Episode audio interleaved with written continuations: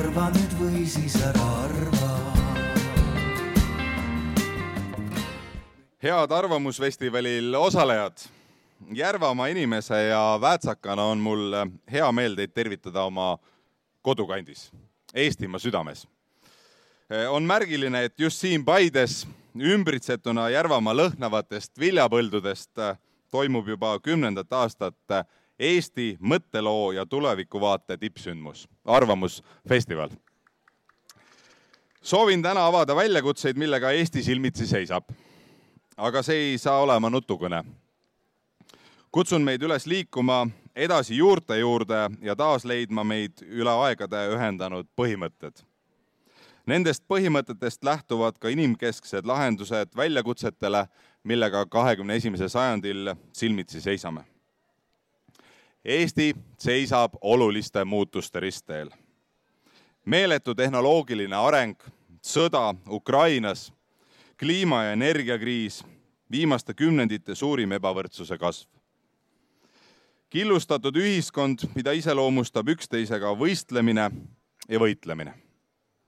on naiivne loota, et aastakümneid jumaldatud nähtamatu käsi suudaks tagada ühiskonna, keskkonna, kohaliku ettevõtluse ning rahvusriigi kestmise. äärmusliberalismi kulunud lahendused ainult võimendavad probleeme mitte ei lahenda neid. kaotajaid on järjest rohkem kui võitjaid.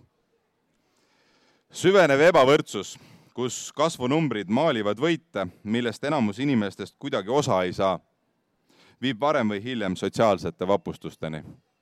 keerulised ajad süvendavad konflikte, kapseldumist ja üksteise süüdistamist. Neile ühiskonda lõhkuvatele hädadele saab vastu astuda vaid tõstes kilbile põhjamaised väärtused koostöö ja solidaarsuse, igaühe toimetuleku, väärikuse ja kindlustunde.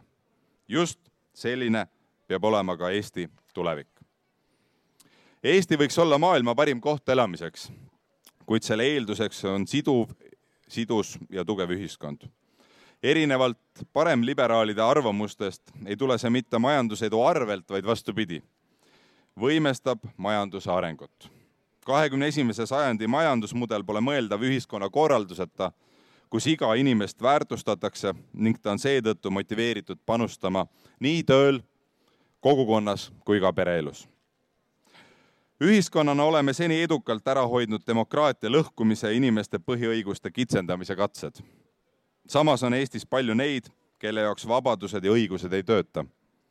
põhiseadus ütleb, et igalühel Eestis on õigus tervisekaitsele kuid kas iga inimene pääseb ikka eriarstile, kui selleks kohene vajadus on? perekond on riigi kaitse all, kuid kõigil Eesti peredel ei ole ühesuguseid õiguseid kooseluks. kodu on puutumatu, kuid kui oma kodu jääb järjest raskemini kättesaadavaks, kas siis ikka see põhiõigus töötab?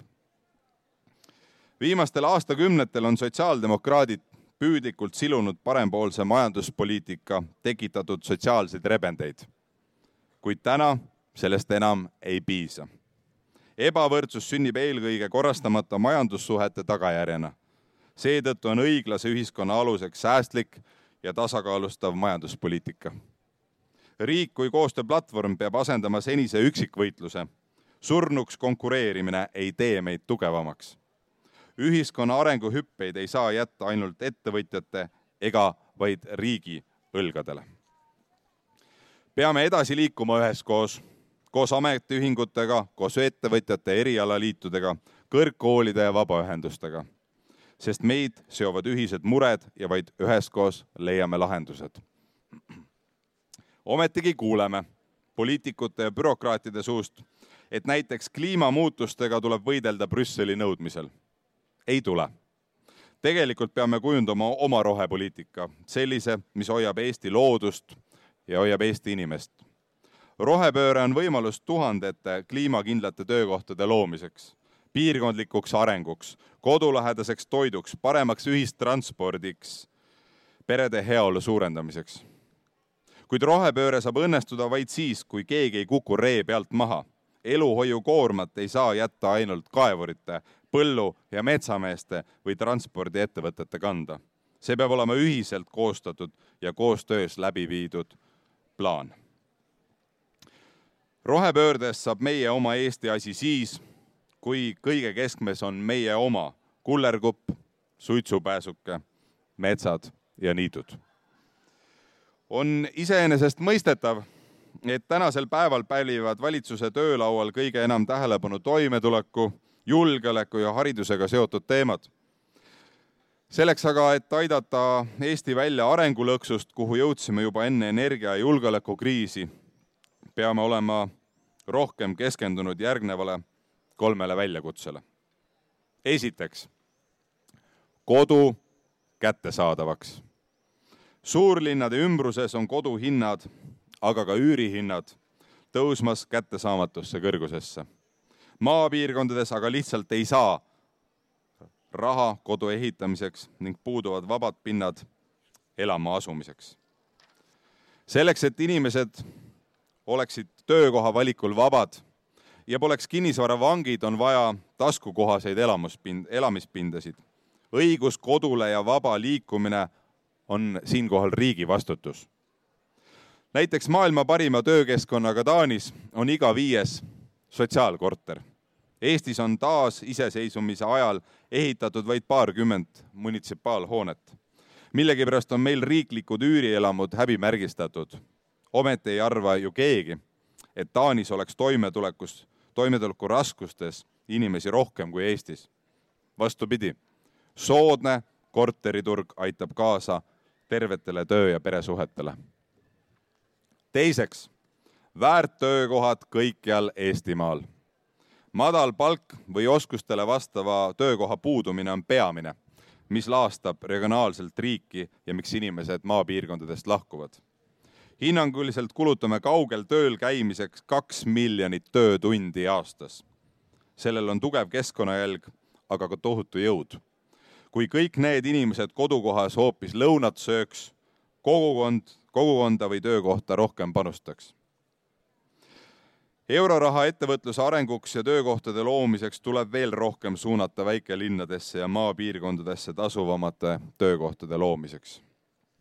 kolmandaks palkade tõus. pea aasta on Eesti inflatsiooninumbrid olnud rekordiliselt kõrged. IMF-i ja Eesti Panga sõnutsi lööb kõrge inflatsioon madalama sissetulekuga inimesi Eestis oluliselt rohkem kui mujal Euroopas. seda sellepärast, et meie inimeste sissetulekutest moodustavad sundkulud, toit, transport ja elamine suurema osa kui teistel eurooplastel lihtsamalt öeldes on meie palgad liiga väikesed ja ühiskond on kriisides seetõttu haavatavam. Inflatsiooni pidurdamiseks tuleb lahendada energia ning sõjamured. see aga kallimaks läinud hindu enam tagasi ei pöörda. tõusma peavad palgad ja majandus vajab targemat hoogu. ei rekkajuht, poemüüja ega ehitaja pole süüdi selles, et nende palgad on väikesed inimene üksikuna ei määra majanduse struktuuri või jõukuse jagunemist ühiskonnas.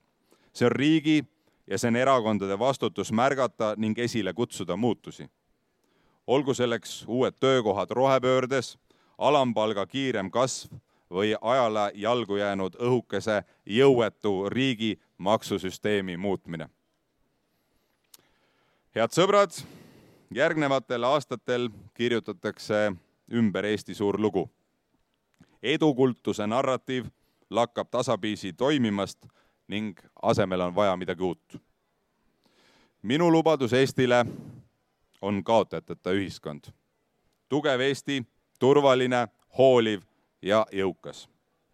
tugev Eesti julgeb eristuda ja otsustada, julgeb astuda reaalseid samme, et Eestis oleks vähem inimesi, kes tunnevad, et neid on koheldud ebaõiglaselt sest mitte miski ei hävita ühiskonnas koostöövalmidust enam kui ebaõiglase kohtlemise tunne.